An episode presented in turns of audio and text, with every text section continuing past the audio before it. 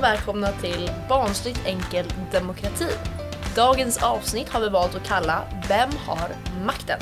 Med mig, Astrid, sitter även Moa! Precis. Dagens avsnitt heter då som sagt Vem har makten? Och vi kommer lite senare att intervjua en av regeringens ministrar. Eh, Men det kommer vi till lite senare. Känner du att du har någon makt Moa? Ja, det beror väl lite på sammanhang. Om jag, tänker, om jag skulle jämföra mig själv med en minister så skulle jag kanske inte tänka att jag har jättemycket makt. Men eh, jag tänker ju lite att alla har makt i en demokrati. Att det handlar om att typ engagera sig och så. Så jag tänker att jag genom att engagera mig, till exempel genom liksom Unga Örnar och det att jag gör den här podden. liksom jag hamnar ändå i en liten position där jag får en plattform. Ja. Och jag känner att det är någon form, någon form av makt, men kanske inte riktigt på ett statsministersätt. Nej, jag, alltså jag, absolut kan jag hålla med om att alla har makt någonstans. Men sen tror jag också att den maktgraden av makt varierar supermycket. Och när man är i våran ålder, alltså man har inte rätt att rösta, så tror jag att den makten man har avgörs på hur mycket plats man tar. Eller vilken, vilken plats man väljer att ta. Också mycket av eh, privilegier. Alltså Ja, så här, vilken, vilken familj man har växt upp i, Mm.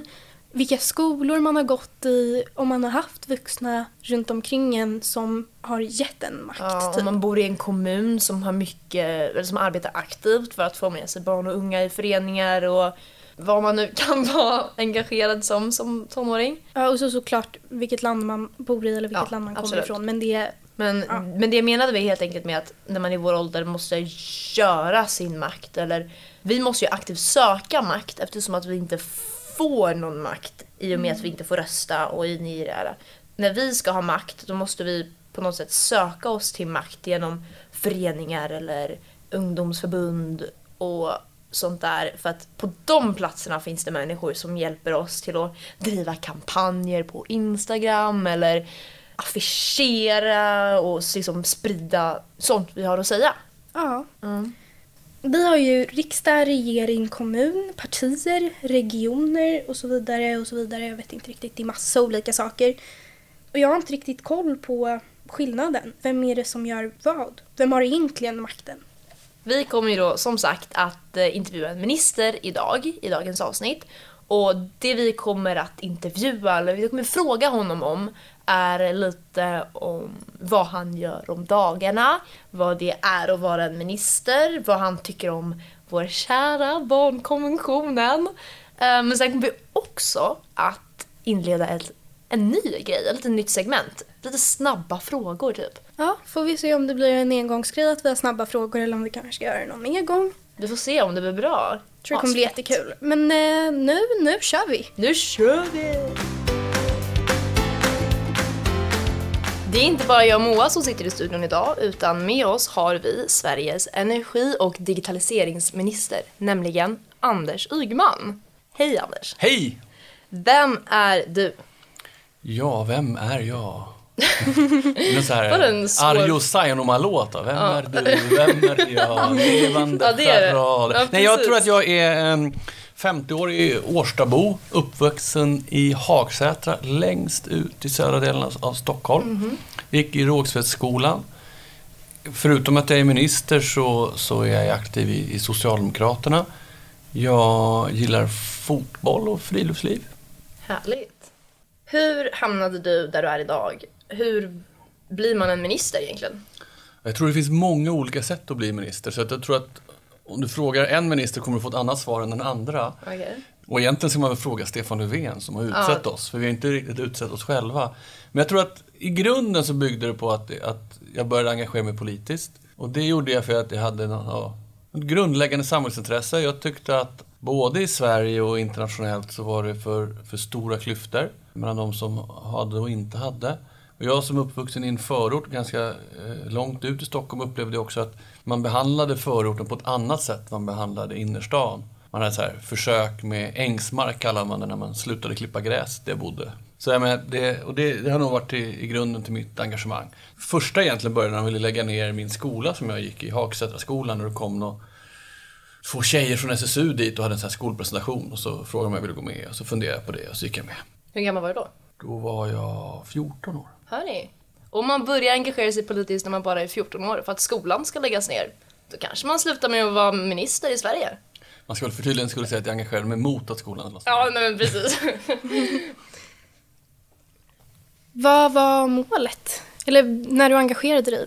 Jag vill ju gärna tillskriva 14-åriga mig jättehöga målsättningar men jag tror egentligen det bara var att jag var, ville engagera mig och att jag trodde att man kunde putta samhället en liten, liten bit i rätt riktning genom att engagera sig. Har du fortfarande samma mål idag?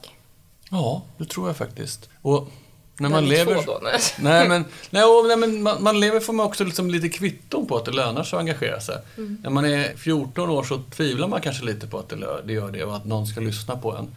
Men jag kommer ihåg, när jag var några år äldre, så i den SSU-klubben som jag hade gått med i, som heter Lucer ute i Hagsätra, då hade vi engagerade oss i kampen mot apartheid. Alltså kampen för, för att svarta människor ska ha samma- lika rättigheter som vita människor i Sydafrika. Jättelångt bort från Hagsätra. Och vi hade så här elda under din vrede kampanj för att uppmärksamma Sharpeville-massakern och andra saker på torget i Hagsätra utanför tunnelbanestationen. Då var det rätt ofta så att folk liksom kom med ganska elaka kommentarer och sa vad fan håller ni på med det där för? Det kommer ju inte ändra någonting. Och sen gick det fram till, till 89 va? Då ju apartheid i Sydafrika faller. Nelson Mandela blir frigiven. Och det första land han åker till är Sverige, långt, långt, långt, långt bort från Sydafrika. Och så fyller han Globen som var, var nybyggd då. Och så säger han det, utan ert engagemang hade det inte varit möjligt. Utan ert engagemang hade jag inte stått här. Utan ert engagemang så hade inte apartheid fallit.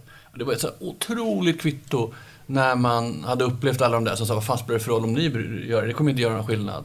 Och om vi då genom vårt engagemang kunde dra en liten, liten strå stacken för att få demokratisera ett helt land på andra sidan jordklotet, då är det klart att man kan få jättemycket större påverkan på saker som ligger mycket närmare Mm. Shit vad coolt. Det är sjukt coolt. 14 år är du, demonstrerade utanför tunnelbanestationen i Hagsätra var det. Vad gör du idag? Vad gör du på jobbet idag? Vad gör jag på jobbet idag? Idag har jag fått bråka med en eh, artikel i Dagens Nyheter om, om eh, de åtgärder vi gjorde för att, att vi skulle ha mer elkapacitet i Stockholm och Malmö. Det har täckt ganska mycket av min dag. Och det är väl en fördel av, av med, verkligen med jobbet som minister, eller uppdraget som minister, att varje dag ser helt annorlunda ut än den innan. Och det gör det både roligt och intressant. Vad är, eller vad gör egentligen en digitaliseringsminister? Ja, tanken är ju att Sverige ska bli bäst i världen på att ta vara digitaliseringens möjligheter. Så se till att vi ligger i framkant när det gäller bredband, när det gäller 5G, när det gäller hur det man kallar offentlig sektor, alltså skola, sjukvård, staten, kommuner använder digitala hjälpmedel eller program. Och det är ju lätt att säga att Sverige ska vara bäst på så många saker, men hur blir man egentligen bäst på att vara digitaliserad? Först tar man reda på var man befinner sig, för många av de där målen har man inte ens gjort det. Och Sverige ligger verkligen i topp på de här internationella rankingarna. Senaste gången EU eh, gjorde ett så här sammanvägt index så kom vi tvåa efter Finland. Vi är jättelite efter Finland. Och ett område där vi säger att vi måste bli bättre på, det är det man kallar för öppna data. Det vill säga att alla de data vi samlar in i offentlig sektor och privat sektor, att vi också använder dem. Och där kan vi bli mycket bättre på att samla dem och, och sprida dem. Men du sitter ju i regeringen och då tänker i alla fall jag att du har ju verkligen makt i landet. Hur mycket makt har du egentligen? Så här stor ungefär. Nej, jag tror att det är så svårt att säga det. Över vissa saker så har jag ju närmast absolut makt. Alltså om det ska utses en eh, ny generaldirektör eller en ny förordning så är det regeringen som beslutar och på mitt område är det jag som är föredragen. Då har jag ett väldigt stort inflytande över det. Även om naturligtvis alla regeringskollegor har inflytande över det också. Medan andra frågor så måste vi gå till riksdagen och då är det ju det hur riksdagens sammansättning ser ut som avgör om vi kan få, få igenom ett sådant förslag. I andra fall så kanske det är något som avgörs i Europa eller i världen. Och då har jag, har jag jämfört med de andra förslagen ganska lite inflytande. Men det är klart att mitt inflytande ändå är stort om man jämför liksom mot, mot liksom gemene man eller liksom sånt i, i en sån fråga. Om du fick välja då, vilken fråga hade du haft mest inflytande i? Eller mest makt över? Just nu är det nog, måste du ändå svara klimatfrågan på den, den frågan. För det är den som ju kanske mest kommer definiera vilken framtid vi lämnar över till barn och barnbarn som kommer efter oss. Annars skulle jag ju väldigt gärna förändra jämlikhetsförhållandena i världen. Men vad tycker du om eh, Gretas engagemang då? För hon är ju ändå en ung som ändå kämpar för klimatfrågan just nu. Jag tycker det är fruktansvärt imponerande. Och även om jag kan bli sur på henne någon gång på någonting hon säger och tycka att hon är lite orättvis så är det ändå fruktansvärt imponerande. Och det är klart att det visar ju också att ett barn eller en ungdom eller en vanlig människa kan ha så otroligt mycket större inflytande än man kanske först tror eller känner eller tänker. Inspirerande skulle jag säga. Ja, det är ändå lite av ett bevis på det att alla egentligen har någon form av makt. Eh, ja, och samtidigt kan man väl säga att, att hon inte skulle ha den makten och den inflytandet om det inte var väldigt många människor som höll med henne. Att hon faktiskt liksom blev röst för någonting som folk har känt och tänkt men inte riktigt hittat något bra uttryck för. Men i en demokrati, hur ser mina rättigheter och skyldigheter ut, skyldigheter ut när jag är under 18 år? Alltså att jag är ett barn som jag och Moa eller som typ Greta. Du har ju en rätt att, att komma till tals och göra din röst hörd. Du har rätt att bli lyssnad på. Det är svårt att säga att man har skyldigheter som barn, men det är klart att du har en skyldighet i att, att ha din egen syn på samhällsutvecklingen alltså, och ditt eget förhållande till det. Det kan ju vara vissa som tycker att det räcker med att bara spela fotboll och det kanske är okej. Okay. Och andra sidan kanske tycker att det är jätteviktigt att engagera sig i någon fråga. Och man måste också få engagera sig på sina egna villkor. Att det är liksom inte jag eller någon, annan som bestämmer hur man ska få engagera sig eller vad man, ska tycka. Hur tycker du att det ser ut idag då? Får barn komma till tals? Det är ju jätteolika. Vi pratade just om Greta och det är uppenbart att hon har kommit till tals och ändå retar en väldig massa vuxna. Jag kan ju tycka att lika spännande som, som Gretas framgångar är, lika spännande är reaktionen från vuxna män som blir så otroligt provocerade av att en ung människa liksom höjer rösten och har inflytande. Det tror jag att man borde fundera mer på vad det är som gör att alla de här vuxna får så konstiga reaktioner. Men samtidigt så tänker jag att hon söker ju efter de här konstiga reaktionerna lite för att visa att varför ska ni reagera så här? Mm. Eller det är åtminstone det jag tänker att hon gör på något sätt. Mm. Det kanske hon gör. Ni får fråga henne i en framtida poddavsnitt. Ja, precis. Det blir nästa gäst. Vi bjuder in Greta. Vad gör just du för att stärka barn och ungas röst i samhället? Jag försöker lyssna på barn, jag försöker lyssna på ungdomar. Men det är klart att jag absolut skulle kunna göra mer. Lätt att man i min roll lyssnar på liksom de organisationer som, som håller på med just det ämnet man håller på med, de som är engagerade i det. Och att det inte är så många barn inblandade i det. Mm. Men hur gör man när man försöker lyssna på barn och unga? Jag tror att man eh, just försöker anstränga sig om att vara med i sådana här poddar, lyssna på er eller lyssna på barn och ungdomar som engagerar sig i klimatfrågan som jag är energiminister och det ligger ganska nära till hands för mig. Och sen hoppas jag ju också att man ska engagera barn och unga i frågor som kanske först inte liksom känns som barn och ungdomsfrågor, alltså samhällsplanering eller stadsplanering eller liksom andra saker. Men då är det också viktigt att vuxna tar barns parti för att barn, liksom vinkeln, barnintresse ska komma fram. Ja, för det är ändå någonting vi har pratat om i tidigare avsnitt, att eh, alla frågor är barnfrågor. För att allting påverkar ju barn, förr eller senare, men oftast liksom direkt. Söker du aktivt barns åsikter? Det händer, men jag kan absolut bli bättre på det. Bra svar. Du är ju digitaliseringsminister. Har du förslag på hur, hur vi kan eh, på ett digitalt sätt inkludera unga i politiska beslut? Jag tror om jag ska vara ärlig att unga är mer digitalt inkluderande än, än många vuxna. Mm. Det är kanske är ett litet problem i sig. Men det är klart att det är via digitala plattformar också kanske ibland lättare att inkludera fler mina frågor är ju så, så sent i beslutsprocessen och så tröskade att det blir liksom, jag blir lite långt ifrån det där inflytande inflytandesteget. Men, men äh, man har ju gjort så här försök med ungdomspaneler och så här, men det, jag, jag, kan också vara lite skeptisk till dem eftersom de då säger att barn och unga ska, ska liksom behandlas på ett annat sätt eller på ett speciellt sätt. Man måste hitta sätt, tror jag, också att få in barn och unga på, liksom, på samma sätt och på samma villkor som vuxna. För även om man inte har rösträtt så har man ju samma rätt att bli hörd som alla andra i samhället. Har du något exempel på hur man tänker att man ska behandla barn och unga annorlunda i de här panelerna? Ja, det är klart, om du har paneler bara för barn, mm. men inte har paneler för medelålders eller paneler för pensionärer, Då blir det lite konstigt. Å andra sidan, i Stockholm har man ett, ett pensionärsråd för att ta tillvara pensionärers synpunkter, även om de har rösträtt. Klart att man lika gärna skulle kunna ha ett ungdomsråd eller ett barnråd. Har vi inget barn och ungdomsråd men ett pensionärsråd? Jag vet faktiskt inte. Ja. Jag, eftersom jag inte är barn och ungdom så har jag inte faktiskt koll Ja. på det. Nej, jag har inte heller hört om något barn och ungdomsråd faktiskt. Men du, apropå digitalisering och allt sånt där kul. Tror du att det är möjligt att man skulle kunna rösta ifrån mobiltelefonen snart? Nej, det tror jag faktiskt inte. Inte? Nej, och det beror inte på att det inte är tekniskt möjligt, för det är det naturligtvis.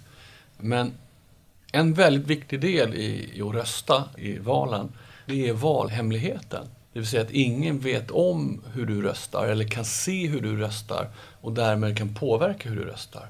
Och den är ju väldigt lätt att göra när du har analoga val, om vi ska kalla dem det, när du går in i ett bås. Man ser att ingen går med dig in, du får inte ha med mobiltelefon så att någon skulle kunna titta på en stream och du röstar. Men det är väldigt svårt att upprätthålla den där valhemligheten om du röstar via mobilen eller via dator. Eftersom du då inte vet var personen är, vem som sitter bredvid. Finns det andra länder där man kan rösta med telefonen? Det är andra länder som har sagt att de ska införa digitala röstningar, men jag tror inget land hittills har gjort det. Men det är klart att om man struntar i valhemligheten, det finns ju ett skäl till att man exempelvis inte får gå in två och två och rösta i Sverige, utan du får- måste bara gå in själv i båset. För att inte din man eller din släkting eller någon annan ska bestämma hur du röstar, utan det ska vara ett eget enskilt val. Men nu när vi ändå håller på och snackar lite om val, tycker du att man ska få rösta i eh, kommunval när man är 16? Nej, det gör jag inte. Jag kan förstå de som tycker det, för det finns många 16-åringar som är mogna och har gjort egna överväganden och skulle kunna rösta i, i allmänna val. Samtidigt så mognar man väldigt olika i den där åldern. Och det finns nog många som inte är tillräckligt mogna. Och då tycker jag nog att 18 är en ganska bra eh, gräns. Är alla över 18 tillräckligt mogna för att rösta? Nej, men någonstans måste man dra gränsen. Jag tror också att om man nu är 16 och inte är tillräckligt mogen för att rösta, då tror jag faktiskt inte att man röstar alls. Utan då tror jag bara att det kommer vara de som känner att de är mogna och vet vad de vill som röstar. Och de som inte är så insatta, de skiter i det helt och hållet. Fast jag vet inte riktigt, för då kan man ju kolla på skolvalet. Fast skolvalet är ju annorlunda. Då är det ju liksom, det här spelar nog ingen roll, jag ska rösta på SD för att det är kul. Det, det risken är att man röstar som en kompis eller som en förälder eller något sånt där. Och även om du skulle sänka den till 16 så kommer någon fråga varför man inte kunna rösta när man är 14? Det finns ju många 14-åringar så- och så vidare och så vidare och så vidare. Så någonstans måste man ändå ha en gräns. Sen vad exakt vad den gränsen ska gå, det är nog ingen, liksom, det finns nog ingen perfekt vetenskap. Du kan sätta den på 21 eller du kan sätta den på 16 men någonstans får man bara komma överens om var gränsen ska gå. Men hur gör man då för att unga ska få mer inflytande? För det första har ju ungdomar, som vi har pratat om lite innan här i podden, ett, rätt stora möjligheter att få inflytande genom att engagera sig.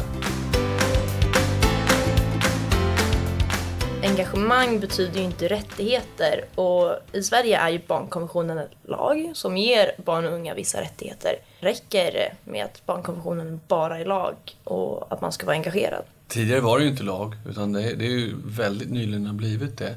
Bara att den har blivit lag i sig gör ju inte att den slår igenom. Utan folk måste känna till att det är en lag och folk måste implementera, man säger på vackert jord, alltså helt enkelt se till att det också blir verklighet eh, genom en massa olika beslut. Och det tror jag kommer vara en kamp över tid.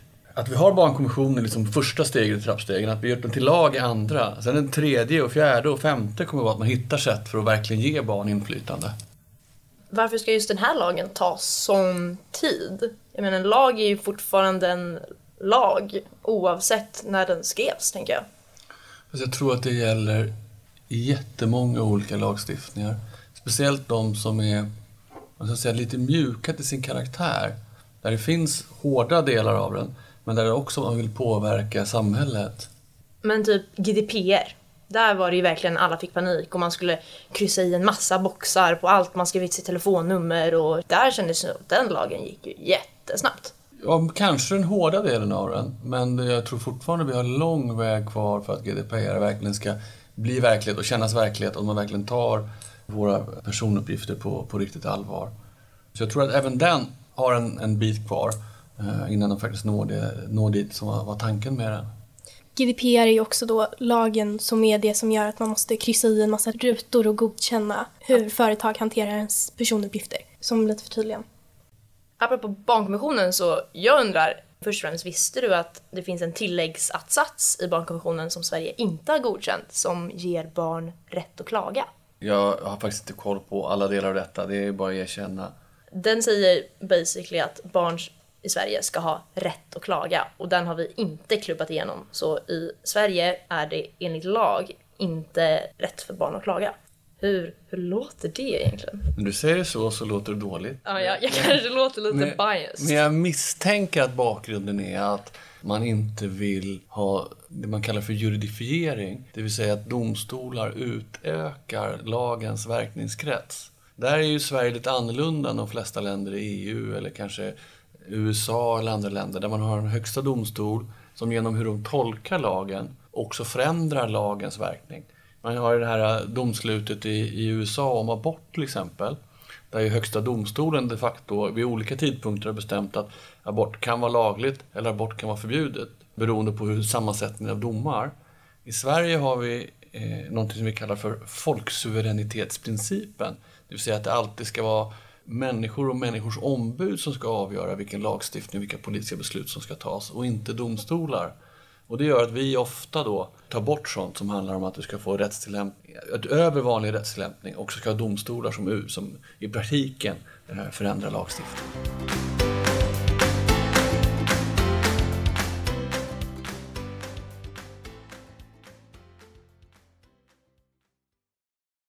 Det lät ju väldigt smart, men eh, det känns ju lite konstigt om barn ska ha alla de här eh, rättigheterna och sen ska de ändå inte ha rätten att klaga när deras rättigheter inte riktigt uppfylls. Man ska säga att just klaga är ju en, en grundläggande mänsklig rättighet som tillkommer alla, både barn och andra.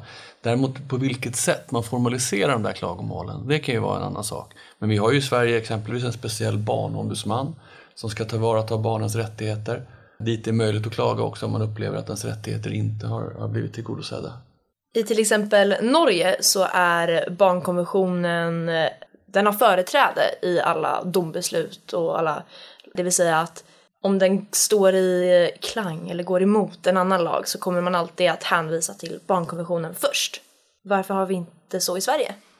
Mm, jag tvivlar lite på att det där är en rimlig beskrivning av Norge. För det är klart att i Norge så har du grundläggande mänskliga rättigheter som som kommer att trumfa barnkonventioner också om man skulle uppleva att de står i strid med den. Men återigen, så jag tror det där har att göra med att vi har olika lagstiftningstraditioner i, i, i Sverige och andra länder. Och också att man implementerar internationella, internationella konventioner på olika sätt i olika länder. Så även om man skulle önska att man på något område skulle vara si eller något område skulle vara så, så tror jag att, att, att vi har implementerat barnkonventionen på ett rimligt sätt. Sen får väl utvecklingen över tid visa om vi i Sverige har gjort rätt eller fel. Och om det sätt man har valt i Norge eller det sätt man har valt i Danmark som vi oftast bara säger nu tar vi det här och sen eh, lite hårdraget. Medan vi om vilket som är bäst och vilket som ger barnet bäst skydd. Det är inte självklart att den danska, eller norska eller svenska modellen är bättre eller sämre. För mer de olika modellerna kommer olika fördelar och nackdelar. Mm. Om du nu har så mycket makt och du verkar ju ändå vara en trevlig människa. Hur kommer det sig att det fortfarande finns så mycket problem i Sverige? Varför fixar du det inte bara? Ja, det undrar jag ju också. Men jag skulle säga att det beror på att samhällsutvecklingen är som en, en dragkamp. På ena sidan finns de som vill att samhällsutvecklingen ska gå åt det ena hållet och på andra finns de som vill att samhällsutvecklingen ska gå åt andra hållet. Och varje minut och varje dag är liksom en dragkamp. Så drar man inte åt ena sidan så långsamt så går samhällsutvecklingen åt andra hållet. Så jag skulle, skulle ändå hoppas och, känna att jag drar samhället åt rätt håll och att jag gör det så, så starkt jag bara kan. Men det krävs att fler människor engagerar sig, fler röstar för att samhället ska kunna bli ännu bättre. Men vem är det som har rätt då? Om man tänker att det är två olika sidor som drar. Det är lätt att säga att jag skulle säga att jag har rätt då, men det, det kommer ju vara en ständig diskussion. Och så blir lite högtidligt kan man prata om dialektik. Liksom någon säger att det är på ena sättet, någon säger att det är på andra sättet. Och sen kommer man fram till att det är på tredje sättet och sen fortsätter du med en ny match där någon säger det på det ena sättet och det andra sättet. Så hela tiden så utvecklas samhället och samhällsdiskussionen. Det finns liksom inte en färdig punkt där samhället är färdigt. Det kommer hela tiden på en massa olika områden vara en diskussion om hur samhället ska utvecklas. Nämnde ju i början att det som fick dig att bli engagerad var att du såg samhällsklyftor och skillnader på förorten och innerstan. Det antar jag att det är någonting du fortfarande tycker att det finns och att du vill få bort eller ändra på. Finns det då folk som har samma mängd eller samma typ av makt som du har som tycker tvärt emot, eller som inte ser skillnaden eller kanske vill att, vill att skillnaden ska vara där? Ja, det tror jag, men de skulle uttrycka sig annorlunda. Okej. De skulle uttrycka sig som att de vill ha större inflytande för marknaden eller att de tycker att det ska löna sig mer att jobba eller du ska ha en större premie för att ha utbildat dig. Men resultatet av det blir att samhället får växande klyftor och att, att samhället slits isär.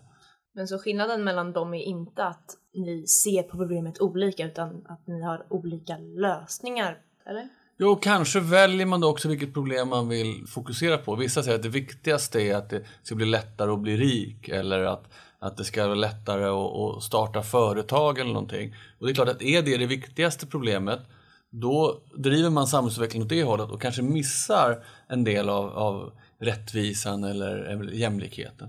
Sen finns det tyvärr också en, en grundläggande samhällsutveckling som gör eh, samhället mer orättvist. För att pengar samlas hos de som har pengar och den ärvs till människor som har mer pengar. Som har, när pengar samlas hela tiden, så om man inte har en aktiv politik mot orättvisor, då kommer orättvisorna att växa. Mm. Nu tänker jag att- att jag ska ställa en liten sista fråga innan vi går vidare till nästa, nästa segment. Har du några tips på eh, vad unga kan göra för att engagera sig och för att förändra?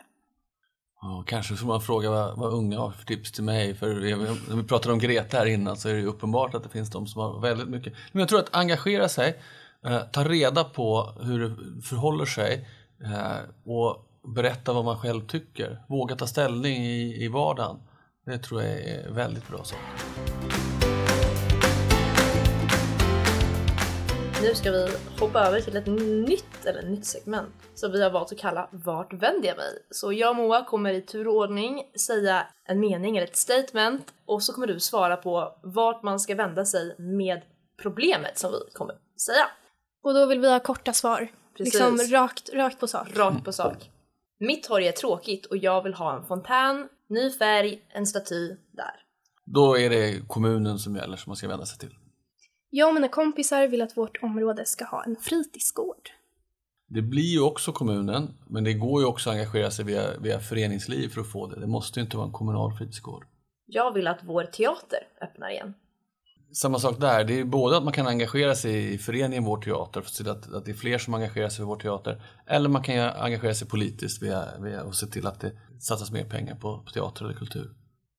Jag och en del av mina kompisar tolkar ofta åt våra föräldrar och det tar för mycket tid från vår skol och fritid. Dels så måste man sätta in eh, undervisningsinsatser så man lär sig svenska. För Det är i längden omöjligt att klara sig i Sverige om man inte kan svenska. Och sen måste det finnas möjlighet eh, för tolkning. Och där är de digitala möjligheterna nu så mycket större. För tolken och du behöver inte vara på samma plats. Du kan använda din mobiltelefon för att tolka via distans. Men vart vänder jag mig? Ja, jag vet faktiskt inte vad, vilka som har, var, var du vänjer dig. Så, eh, Men jag vet att det finns en massa sådana här tjänster. Men exakt var man vänder sig, där blir jag svaret skyldig. Google. Ja, precis. Jag hade kunnat svara på alla, men det är tråkigare intervju. Googlar du. Jag vill ha ett bibliotek där jag bor. Formellt ansvar för biblioteket är ju kommunen, men biblioteken är också någonting man skulle kunna vara med och starta själv. Det är en väldig massa så här små biblioteksrörelser där man sätter upp en bokhylla vid sin busstation eller sånt, eller i sitt eget hus. Och, och det kanske inte ersätter ett helt bibliotek, för bibliotek, organiserade bibliotek är viktiga. Men jag tycker absolut man kan börja i den skalan och visa att det finns ett behov. Jag vill att antirasism ska ingå i utbildningen för ordningsvakter. Antingen till din lokala riksdagspolitiker eller till polisen som är de som ansvarar för utbildningen av ordningsvakter. Jag vill ändra på läroplanen. Läroplanen fattas ju beslut om i riksdagen, så det är nog samma sak där. Men man kan ju också ha synpunkter till Skolverket och de som jobbar med läroplanen. Jag vill att alla nya hus som byggs ska vara utrustade med solpaneler. Ja, riksdag eller regering. Eh, och vi, vi går ju närmare och närmare den utvecklingen. När jag går hem är det mörkt sista biten. Jag vill att vi ska få lampor där. Det är kommunen som är ansvarig för gatubelysningen. Eh, om det inte är så att du går länge på din egen tomt och får hänga upp lamporna själv. Jag och några av mina klasskompisar vill ha hemspråksundervisning. Men rektorn säger att det inte finns pengar till det. Ja, här är vi nog inne på ett område där vi har, har eh, tvingande lagstiftning där skolan är skyldiga att erbjuda hemspråksundervisning. Så då ska man nog be rektorn att, att ha skriftligt på att han inte kan, eller hon kan erbjuda det. Sen kan man pröva det rättsligt. Är det så i alla språk eller är det bara de här, vad heter det? Minoritetsspråk, så heter det. Nej, Jag tror att vi har en, en tvingande lagstiftning som ger det för, för Jag alla har, språk. jag har eh, kusiner som pratar hebreiska men får inte ha hemspråk för att man måste ha minst fem andra som ska ha samma hemspråk. Ja, där vill jag återigen slå ett slag för, för, för de digitala verktygen. Det är faktiskt inte så att man måste vara på samma skola. Man kan ju faktiskt ha undervisning digitalt och vara på olika skolor. Sista, vem vänder jag mig till? Jag blir mobbad på sociala medier. Vem vänder jag mig till? Om du är elev så tycker jag du ska börja med att, att, att vända dig till skolan. För de har ett ansvar för din sociala miljö även på fritiden. Men det är också så att du kan vända dig till polisen. För det är faktiskt olagligt att mobba. Du kan faktiskt polisanmäla det. Ja, tack så mycket. Precis, det var alla problem som vi hade att komma med till dig. Vi får tacka så jättemycket, det var supertrevligt.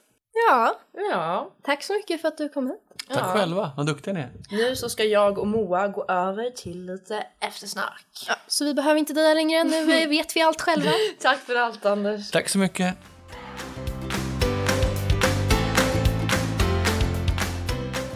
Ja. Ja du Moa, vad är tankarna? Vad går huvudet just nu?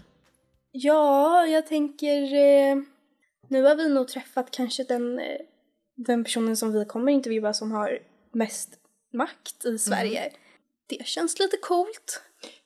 Mest coolt tycker jag att trots att det här var personen som har mest makt så var det väldigt, han var väldigt avslappnad men inte alls lika propert som man kanske skulle kunna föreställa sig att det är när man pratar med en minister. Ja, och jag tänker att jag...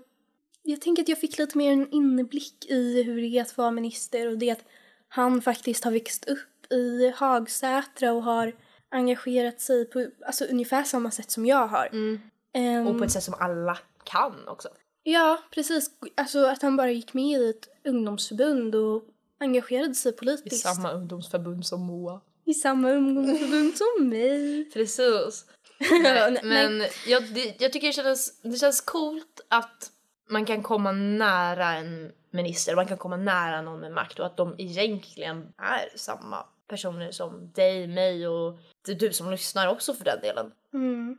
Jag kände också att vi fick ordentligt grilla honom och verkligen fick svar på våra frågor. Ja. Så jag vet inte om jag har hunnit processa allting än, men jag känner att det var väldigt mycket information så jag kommer nog, eh, kommer nog lyssna en gång till och faktiskt eh, ta in det mer. Det varit ett asroligt avsnitt verkligen.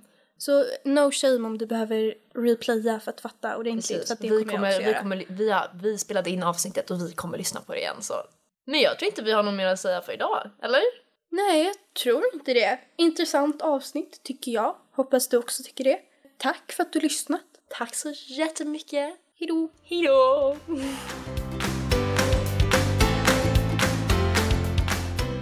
Om du är barn eller ung och är intresserad av demokrati och vill veta mer om hur du ska påverka så kan du få hjälp med det på demokratiklubb.se. Yes. Tack så mycket för oss.